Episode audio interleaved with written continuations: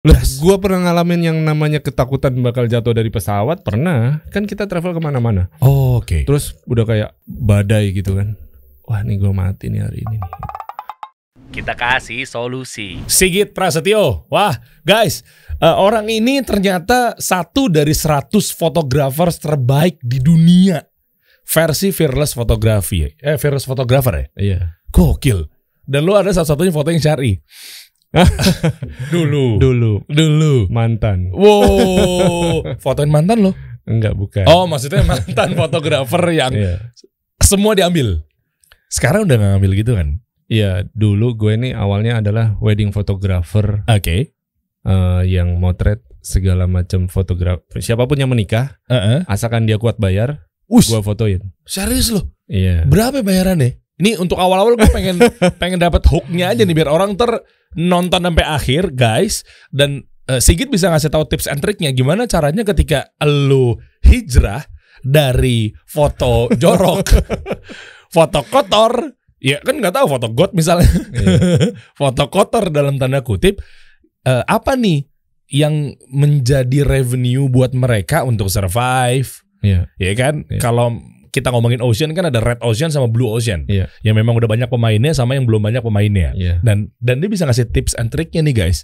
Sehingga lu nggak main foto jorok lagi tapi udah bisa dapetin income insya Allah. Iya. Iya kan nanti nanti lo bahas di belakang ya kira-kira apa aja ya. Waktu itu lu ngambil yang serempangan berapa ya duitnya? Asal kuat bayar gua kayak terpanggil dengan kalimat lo yang tadi deh. Em, buat satu highlight saja ya. Oke, ini waktu yang masih foto bule, Iya. wedding yang masih internasional gitu kan? Eh, gue pernah diundang ke motret di Afrika. Wow. Terus yang gue motret pergi bertiga. Oke. Kita naik Emirates. Karena wedding in- yang gue foto orang India. Karena wedding India itu panjang banget.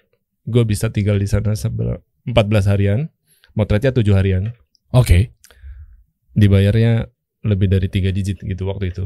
Lebih dari sampai muncrat gue. Lebih dari tiga digit. Iya. Hah? Depannya satu apa dua? Ya mungkin kayak sekitar hampir gue lupa ya sekitar 180-an juta. waktu itu. Wow.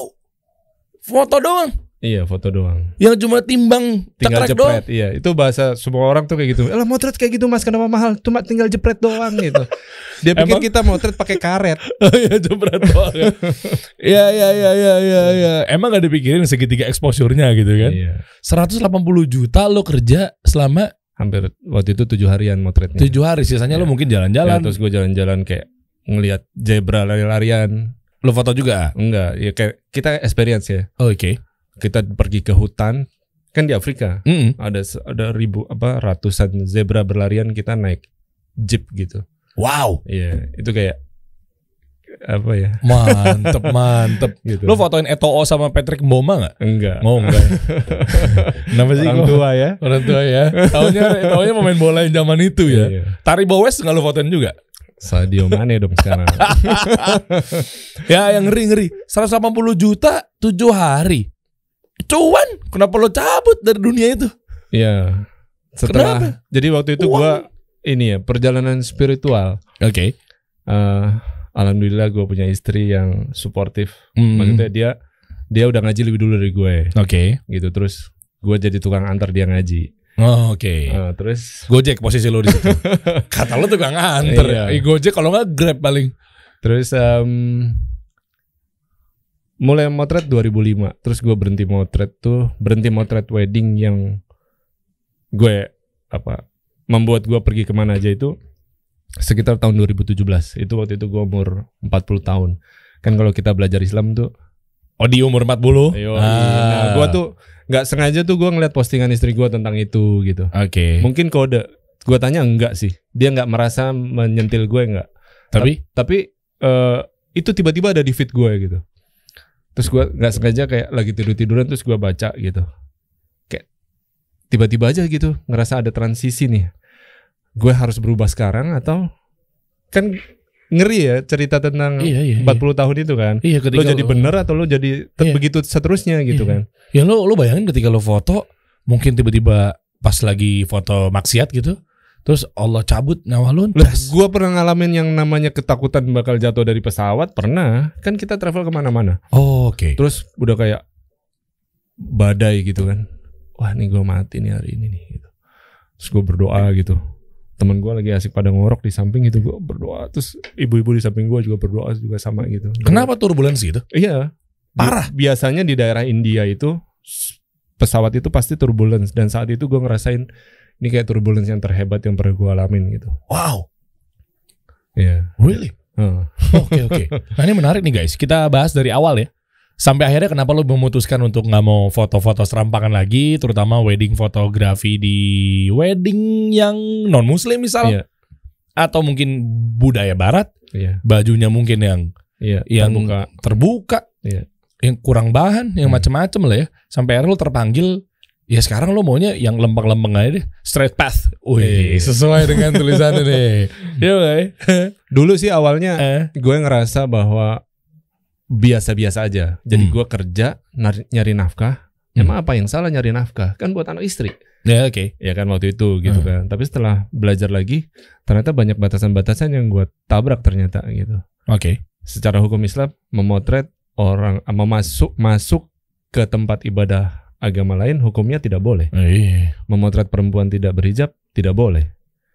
Memotret malah dulu kayak pernah dapet tawaran memotret yang lagi viral sekarang Apaan? yang perempuan sama perempuan atau laki-laki dengan laki-laki menikah gitu kan. LGBT, Ya kan homoseksual. karena gue ada di komunitas wedding dunia yang kayak begitu modelnya ada. Lah jadi lu pernah fotoin cowok sama cowok nggak mau. gay gitu? Enggak nggak mau. Tapi tawaran ada. Eh, Kalau cuan? Iya cuma gue paham bahwa itu nggak boleh. Oh, fitrohnya udah iya. nolek lu bahwa ini nggak boleh, Cum- tapi Cuma kan gue waktu waktu gue nyari nafkah itu masa sih nggak boleh.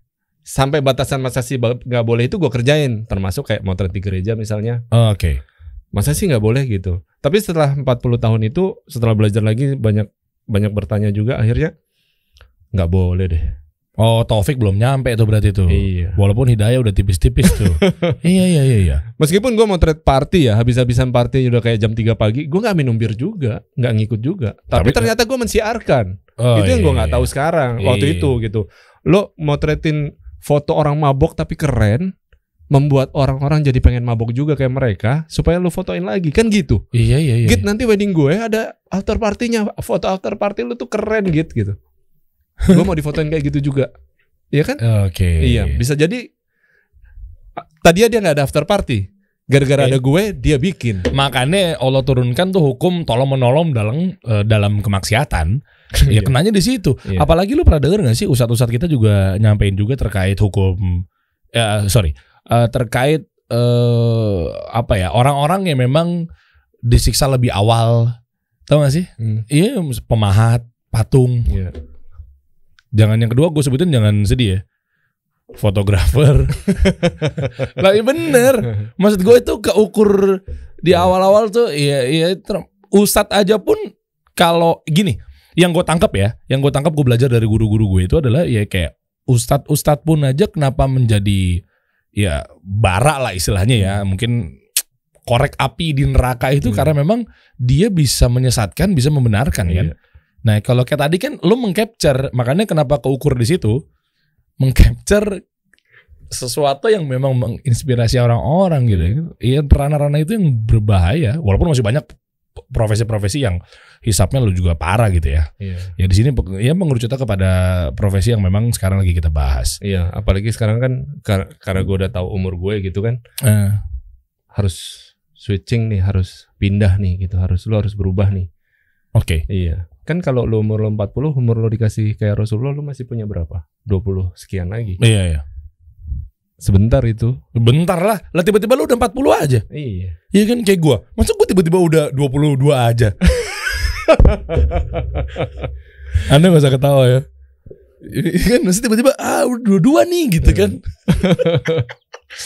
Iya kan? Iya. Enggak enggak enggak. Maksudnya ya maksudnya dua-dua tuh beberapa tahunnya lalu gitu Iya. maksudnya. Gini deh. Gue mau minta turning point lu aja deh. Hmm. Eh up selain lu lihat postingan bini lo nih Hmm. tentang umur 40 tahun lo mau Iya. ke mana bla bla bla bla bla. Apa nih faktor-faktor contoh kayak tadi ah, oke menarik tuh turbulence.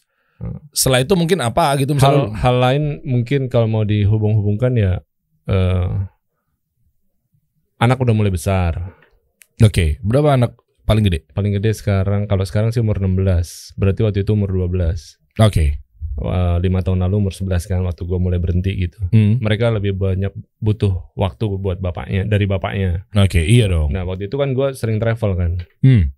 ya eh, terus kalau anak-anak ini nggak gue nggak ada di situ ya minimal bapaknya ada lah gitu Hmm. meskipun gue juga nggak helpful helpful amat sekarang pun gitu Oke, oke.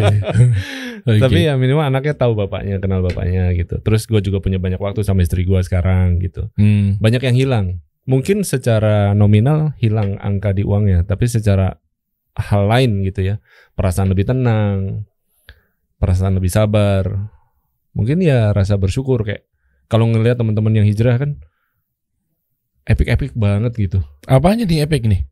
Cara Allah mengambil dia Oh, contohnya? kayak misalkan kayak teman-teman yang riba Oke. itu dia sampai harus diambil dua anaknya dulu Oh, oke. baru dia sadar Hmm. atau iya, iya. ada satu teman gue yang sekarang di Bandung dia debt collector Hmm. harus diambil dulu sampai hampir nyawanya diambil juga hartanya uangnya semua diambil termasuk mobilnya yang dia pakai hari itu terus dia ada di rumah sakit hampir diambil nyawanya Wah, serius loh. iya transisinya kayak begitu gitu Waduh, duh, duh, duh. nah gue kan bukan termasuk yang transisinya kayak gitu yang nggak Allah tegur secara langsung harusnya lebih bersyukur dong. nah itu Ah, yang oke. gue syukuri gitu ternyata gue nggak perlu ngadepin kondisi-kondisi yang sulit-sulit amat Heeh. tapi insya Allah gue udah lebih dekat mendekat gitu Nah, itu. Justru malah di situ Allah ngeliatnya iya iya udah ayo nih mau gue uji nih. Kan gitu kan kasarannya Iya, kan. benar. lebih lebih gila lagi nih. Nah, tapi lu cukup gue dengan Ah, ujian ini gitu. oke. Nah. akhirnya lu sadar lu jemput atau hidayah kan gitu Yes. kan.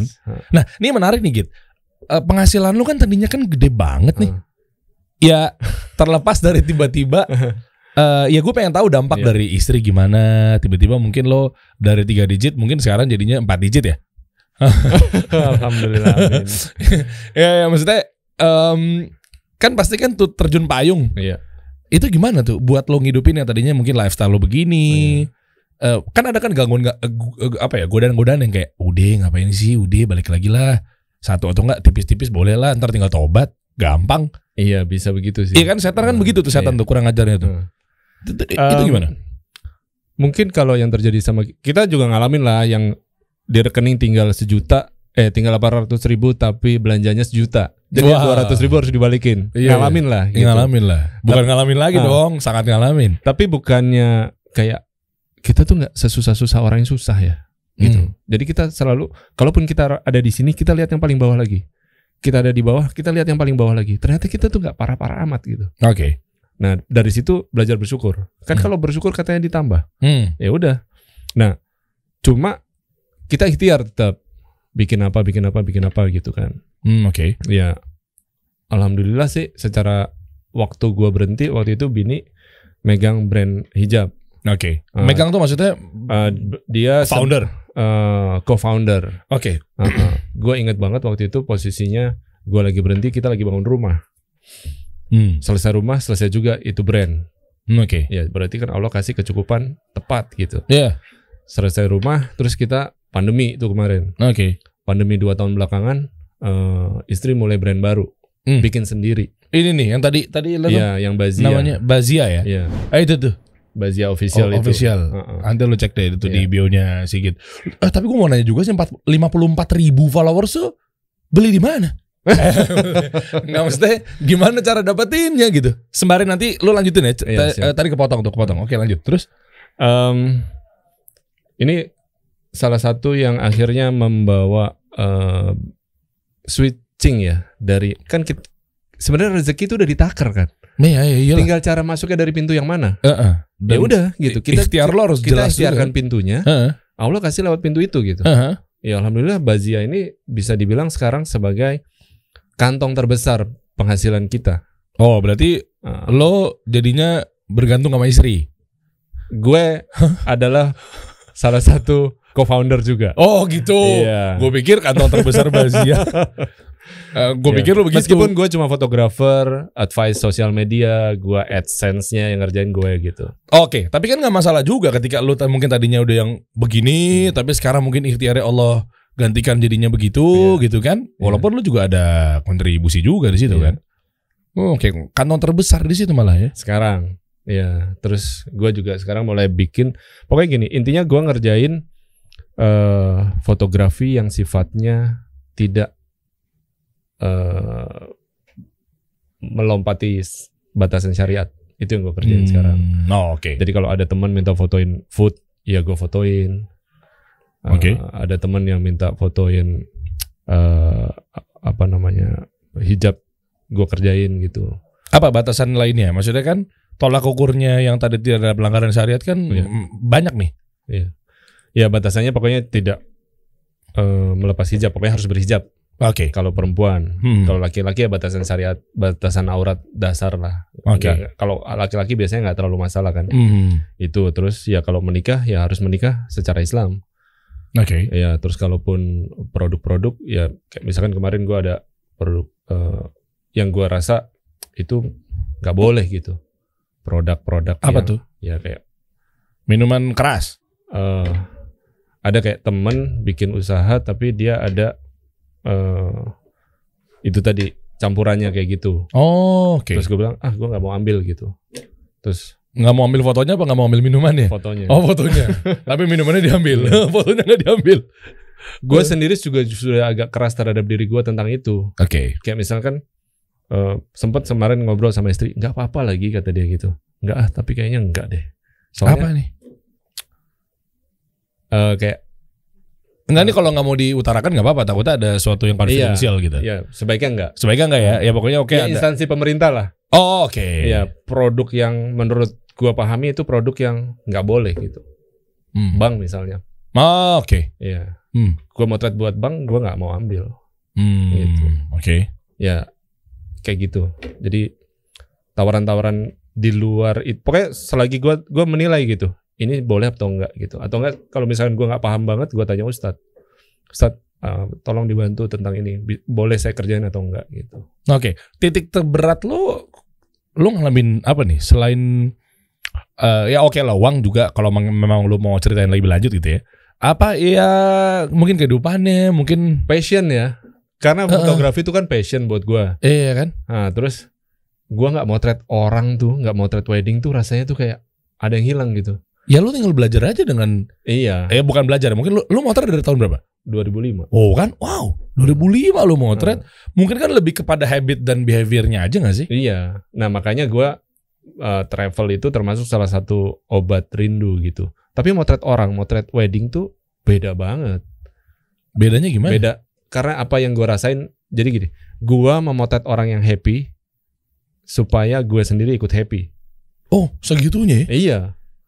O- ngelihat orang happy tuh happy rasanya. Dan dan dan ketika lo happy juga capture-annya juga iya. berasa hidup gitu juga. Keluar gitu. Oh ini loh guys stigmanya terpecahkan Jadi nggak Hmm. cuma asal jepret doang Iya. Yang kata orang-orang Kata klien-klien yang neken harga Tau kan Yang katanya ah jepret doang gitu Iya. kan Oh oke Kalau dia lagi sedih Lu juga harus mewek gitu Oh pernah gua sampai ikut nangis. Lagi moto nih Iya. Hubungannya apaan sih Orang lu tinggal ngambil momen yang Gini, pas doang Jadi gua gua tahu eh, apa insight story-nya gimana gitu. Bapaknya adalah orang yang sangat keras. Anaknya pergi dari bapaknya udah lama. Cuma bap anaknya nih mau menikah, harus dinikahkan sama bapaknya. Ketemulah mereka. Lama nggak ketemu sekian lama.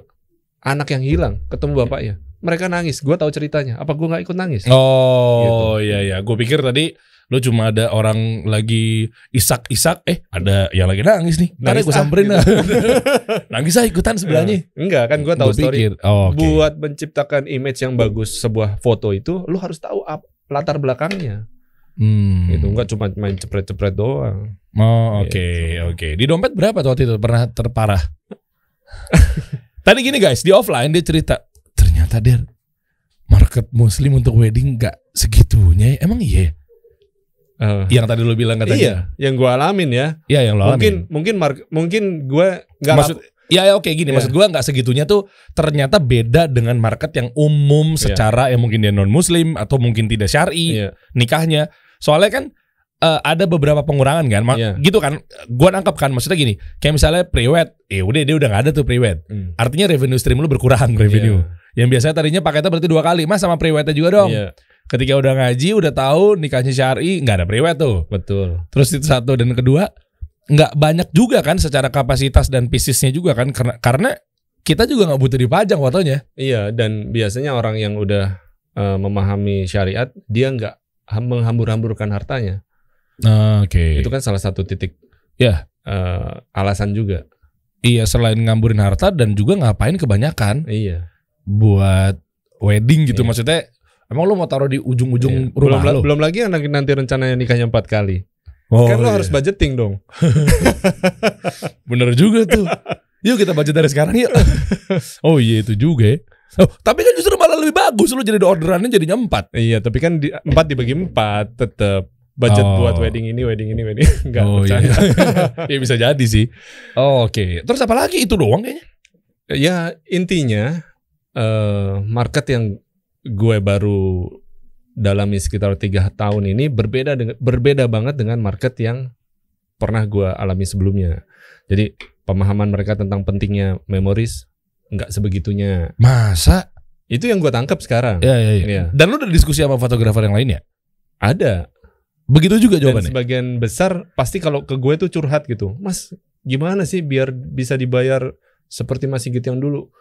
Ya gue juga sama, kondisinya sama kayak lu, gue bilang gitu. Jadi gue tuh gak bisa memberi influence bahwa lu tenang aja, lu bakal bisa selamat di sini nggak gitu. Oh, Oke. Ya, lu akan selamat kalau lu cari sesuatu yang lain dari sekedar wedding. Oh, artinya solusinya lo harus cari revenue baru. Iya, lu cipta, lu kan tetap pengen jadi fotografer. Lu pengen ada di situ terus. Heeh. Artinya lo harus bisa bisa nggak sih nyari sesuatu yang ternyata itu nggak banyak orang kerjain. Loh, berarti wedding fotografi untuk kaidah yang syar'i artinya demandnya kecil dong dari segi cuan. Kecil. Emang iya ya? Iya, mungkin ya gue yang Stigma kali. bi- mungkin gue yang nggak bisa jualan kali ya. Maksudnya market gue kan setelah switching, gue Gue ngelihat, gue ngelihat eh yang usah sebut nama lah, eh, WO dan vendor fotonya. Dia ngefotoin di lah sekarang misalkan lu ngomongin WO menteri gitu-gitu. WO sama vendor foto, oke. Berapa sih budget yang mereka punya dalam satu eh, package itu? Fotografer dibayar berapa sih? Ah, gue nggak ngerti. Nah, fotografer-fotografer yang gue tahu Hmm. yang bisa dapat market wedding muslim yang syari Mm-mm. mungkin nggak sampai dua digit. Masa? Yang gue tahu ya. Mungkin Gue belum nikah lagi Coba sih. nanti ya buat teman-teman wedding photographer yang Eh. yang eh memang bisa survive komen. Oh ya boleh boleh boleh. Soalnya Nanti nikah gue juga dulu konven. Maksudnya kan gue Hmm. belum ngaji juga. Iya. Iya iya gede sih memang untuk bayar vendor foto tuh berasa gitu di gue. Gitu. Cuma kan karena gue belum nikah lagi, jadinya Belum tahu sekarang. apa gue harus nikah lagi kali ya? oh enggak bentuk edukasi untuk gue pelajari lebih dalam. Iya. Iya maksudnya kayak gitu-gitu kan. Gue harus tahu dulu nih kira-kira emang emang di bawah itu ya. Gue aduh, gue di ordernya sama vendor WO cuma MC sih. Gue nggak ada vendor foto gitu loh. Jadi gue berapa coba bocorin, bocorin, bocorin. Ini buat teman-teman yang memang baru memulai dari foto Bisa kok teman-teman yang wedding photographer juga mau tanya ke gue berapa harga gue sekarang kan gue Berapa? kirim info. Berapa? Bakal, bakal kirim red card. Red card. Red card gua tuh sekarang cuma 18 juta. Kok cuma itu gede bukan untuk di kalangan itu? Kan gua dulu dibayar berapa, oh iya iya iya iya iya iya. iya. 18. 18 juta itu kalau foto doang. Oke. Kalau sama albumnya 28 juta. Tapi gini guys, dengan pakai Sigit Prasetyo 18 juta dengan value 180 juta. Ya Harusnya it. begitu. Iya. Itu yang nggak disadari sama banyak orang. Tuh, gue bantuin tuh. Gue bantuin tuh. Iya, dong, bener dong. Lu lihat deh di fitnya. Dan lu sekarang juga ada prince buat revenue. Nah, ini yang gue pengen bahas nih. Iya. Apakah memang ini adalah solusi buat para fotografer yang memang hijrah gitu Iya. kan? Eh revenue-nya berarti artinya si si si eh, wedding fotografi yang syar'i ini jadi secondary. Secondary. Yakin lo? Iya, mau nggak mau. Emang Prince lo ini coba Mungkin gini ya. Eh. Kan kita kan kalau mencintai segala sesuatu yang terlalu berlebihan kan Allah ambil. Oke, Ya enggak sih? oke, oke. Maksudnya kita kan nggak boleh.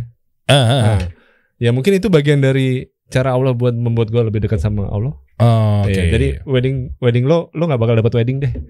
Lo kerjain yang lain gitu. Mungkin karena gue terlalu cinta berlebihan pada wedding fotografi. Mungkin. Oh gitu. iya iya iya. iya. Jadi gue nggak membuatnya jadi gue harus jadi wedding photographer terus enggak. di kuantitiin nggak bisa bro. Kayak setiap hari gitu foto nggak juga ya? Kan gue udah tua bro. Ya tapi ada kan kayak gitu. kita bisa kan? Iya tapi nggak pantas aja gitu. Oh. Gue kan gue punya beban moral sebagai edukator Ah. bahwa lo biar lo dihargai, lo harus bisa menghargai diri lo sendiri. Hmm. Kalau lo nggak bisa nentuin harga lo, bagaimana orang mau menghargai lo? Hmm. Nah kalau lo main rendah-rendahan, terus gue yang udah dalam posisi declining gini, Iya, ya, gue iya, mendingan menempatkan pride gue dulu. Dan kalau mau difoto gue segitu harganya. Meskipun pada dasar gue udah murah banget daripada gue yang dulu kok gitu. Oke. Nah sambil gue ngerjain sesuatu yang gue juga suka, tapi marketnya belum luas. Iya itu. Gue ngerjain eh, foto eh, prints Hmm. yang dipakai buat keluarga-keluarga muslim buat jadi pajangan. Itu ada demand deh. Ternyata ada. Jadi gue hampir jalanin ini mungkin baru sekitar mm, empat bulanan lah. Emang revenue ini bisa lebih Terus- besar daripada wedding fotografi? I never know kalau gue nggak jalanin terus. Karena kan se- mungkin seka- sekarang gue udah bisa ngeprint sekitar 1000 prints. Udah. Iya, tadi kan Hmm. lo bilang katanya kalau di wedding fotografi yang muslim syar'i Iya. itu kan jadi secondary Iya. atau layering lah ya. Iya. Nah, artinya kan lu pasti kan ada siasat untuk primary. Heeh. Nah, primary-nya apa menurut lo? Gue pikir si Prince ini, nah ini keren-keren banget lo bro. Iya, lu, untuk- lu ngambil dari Google ya? Iya Google beli dari gue. Maunya gitu. Iya, iya bener ya. Ini keren-keren banget asli, Masya Allah. Wow. Ini lu retouch lagi gak sih? ya kalau retouch basic lah. Wedding photographer pasti retouch. Apa di Photoshop? Photoshop. Coba bawa lagi deh, Dan. Wow. Terus terus. Ini Turki nih. Iya. Uff. Ini. Jadi eh gue partneran sama beberapa travel. Oke. Terus gue motret buat mereka juga buat Oke. perjalanan travelnya. Mm-mm. Mostly kan travel muslim. Tempatnya Iya. ke mana aja sih travel muslim? Ya kalau nggak Mekah, Madinah, Turki, terus Akso. ya Aqsa. Hmm. Heeh. Terus em, dari foto-foto yang gue pernah pergi ke sana itu gue jadiin portfolio yang akhirnya membuat mereka, git lo ikut gue deh, gitu. Hmm. Eh, nah setelah pandemi ini, gue baru pergi pertama kali kemarin sama ada salah satu punya temen, Hmm. gue bikin konten buat dia, gitu. Nah sambil bikin konten itu, gue juga bikin konten buat gue. Hmm. Nah hak hak foto sendiri bisa jadi hak gue. Jadi Nah, itu enak. Iya, jadi mulai dari situ sekarang gue mulai jualan lagi. Gitu. Hmm. Gue pergi foto yang gue hasilin bisa gue jual. Oh, oke. Berarti enak dong ya, nggak melulu Harus pergi keukur- terus. I- i- bukan bukan, nggak melulu cuan doang yang dirasa. Kan lu juga bisa umroh gratis kan? Yes. Nah iya dong. Iya. Ini kan Allah salah satu Allah kasih dari Iya. Rezeki yang tak duga-duga. Mungkin Benar. waktu itu lu Lalu bayangannya. sekarang berharap umroh Ramadan gue kemarin. Nah, Wah pengen banget umroh Ramadan gitu udah ngomong. Akhirnya ada teman yang nawarin, lo mau pergi umroh Ramadan gak? Bikin konten buat gue gitu. wish masya Allah. Wah mau banget gue bilang 18 hari kemarin. Oke. Oh, Pak, kok panjang? Kan eh, berangkat sebelum 10 hari terakhir, Mm-mm. pulang setelah Syawal hari ke-5. Oh, dan juga ada ini gak sih? Ada cek-cek antigen eh apa sih? Sekarang PCR? udah nggak ada, ada ya? Nggak, gue pikir lo yang berangkat yang pas era-era Kemarin colok-colok. Syawal kemarin. Syawal ya. Oke, Mm-mm, baru, nice. uh, uh, umroh Ramadan 10 hari terakhir sama Syawal. Kita ngomongin Prince nih ya. Iya. Artinya dengan sambung lagi mengenai ini, demandnya ternyata ada dan ini masih masih blue ocean deh. Belum ada pemainnya ya. Lo bisa cari siapa siapa fotografer di Indonesia yang jualan prints konten-konten Islami. Siapa di Indonesia? Eh, iya lagi. Iya. Iya lagi. Lah terus sekarang jadi Kan gue ngomongin zaman dulu tahu dong kayak Eh. misalkan Denik Sukarya. Itu kayak fotografer landscape yang jualan prints sampai punya galeri. Gitu. Nah iya. Terus yang pasti semua fotografer tahu Darwis Triadi misalnya. Heeh. Itu juga kalau dia jualan prints oke banget harganya tapi dia nggak nger- nggak ngerjain kayak gini Kenapa alasan dia? Lebih ke model aja Om ya gue Darwis. nggak tahu juga deh Ah, Oke. gitu tapi market ini ternyata ada gitu setelah gue coba tawarin lewat Instagram doang ternyata banyak banget yang mau beli gitu Oke, ini tapi gini. Lawan lo kan nantinya kan digital. yes Kayak lo- mereka bisa nemuin di Unsplash. Lo udah pikir ke sana belum? Mereka bisa nemuin di di ya di platform-platform apalagi sih pencarian-pencarian foto-foto menarik. Nggak Pexel, Pexel. nggak semua orang yang semudah itu buat naruh sesuatu di dindingnya dia. Dia pasti maunya karya seseorang, Hmm, nangkap Iya. gue. ya kan? Oke, jadi kalau ngomongin si platform-platform ini juga bukan berarti dia menjadi competitive landscape ya? Enggak. Oke. Ya kan gue juga udah nyoba. Jadi maksudnya setelah gue eh, ada di ranah harus mencari yang lain, Ah, gue juga udah submit foto gue di stok. Ternyata enggak juga. Stok kalau lo punya foto 10.000 pieces mungkin Baru aman berasa ya? gitu. Gue punya temen dia terima sekitar mungkin 3-4 juta per bulan. Itu Dari- dengan 1000 pieces. 10.000 pieces foto Wow. gitu. Tapi kan gua nggak mau foto gua dijual sembarangan. Gua artis gitu kan egonya kan. Iya, iya, iya. Tapi kan cuan. Iya cuan. Tapi kan kalau misalnya gua jual sendiri kan lebih enak. Dan Hmm. orang appreciation-nya lebih tinggi. Iya, iya, iya. iya. Ya, lo mana lo tahu misalkan ada orang dari Aceh minta foto lo dicetak ukuran 80 120 di kanvas mau dipajang di rumahnya. Wush. Iya, terus pakai ada tanda tangan gue gitu. Wish. Itu kan sebagai seorang artis, sebagai seorang fotografer itu sampainya di sini gitu. Iya, iya, Perasaan happy, pride itu ada gitu. Nggak cuma foto gue ditaruh di shutter terus di stok terus diambil orang, gue nggak tahu orangnya siapa gitu. Beda rasanya. Emang Shutterstock tuh sekecil itu ya cuannya ya? 0,25 dolar setiap foto yang di-download dengan ukuran normal ya. Kalau yang gede mungkin bisa dapat sekitar 10 dolar. Lo kok gue pikir gede loh gitu. Ya ged, ya kan gedenya itu potongannya buat mereka lebih banyak juga. Iya, iya, iya, iya, iya.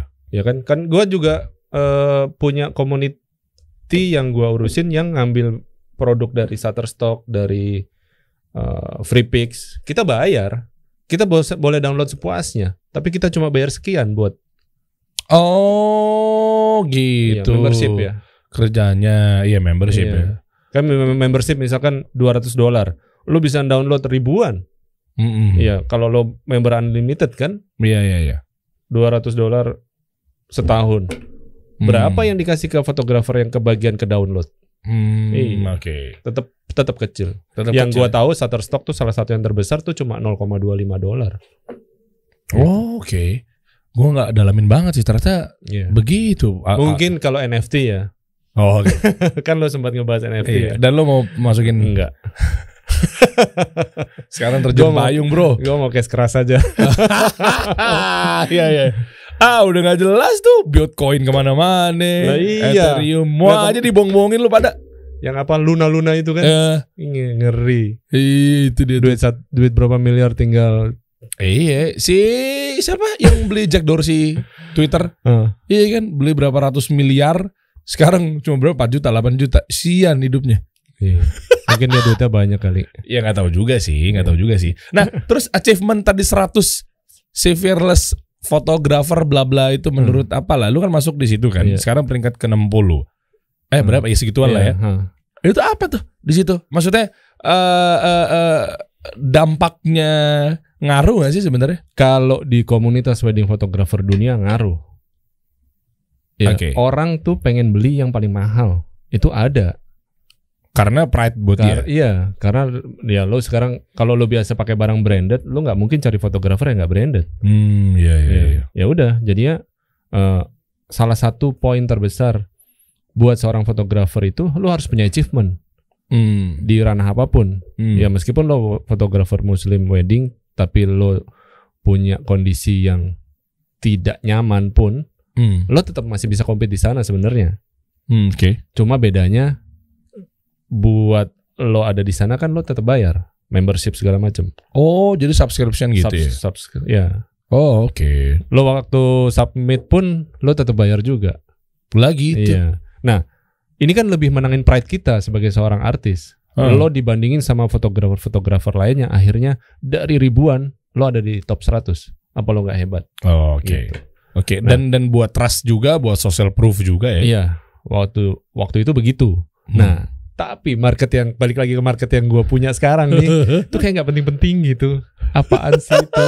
Gitu. Tadi aja gue ngeliatin, tadi aja gue pas gue liatin, eh ini apa sih maksudnya? Iya. Emang ngaruh ya gitu. Gue pikir, ya mereka kan ya memoris iya, tapi kan kayaknya nggak concern ke sana banget sih. Iya. Nah terus gimana cara solusinya buat teman-teman kita yang udah pada ngaji foto-fotonya selain revenue tadi tuh? Oh ya itu gue mau bahas juga mengenai Prince itu dimensinya apa, Iya. yang kayak gimana pemandangannya? Apakah memang melulu tanah suci Iya. atau memang apalah gue nggak ngerti. Nah, itu gimana mungkin biar bisa survive gitu? ya? Iya. Kan lo udah survive banget nih. Enggak juga sih. Tapi intinya gini, Kita kasih solusi.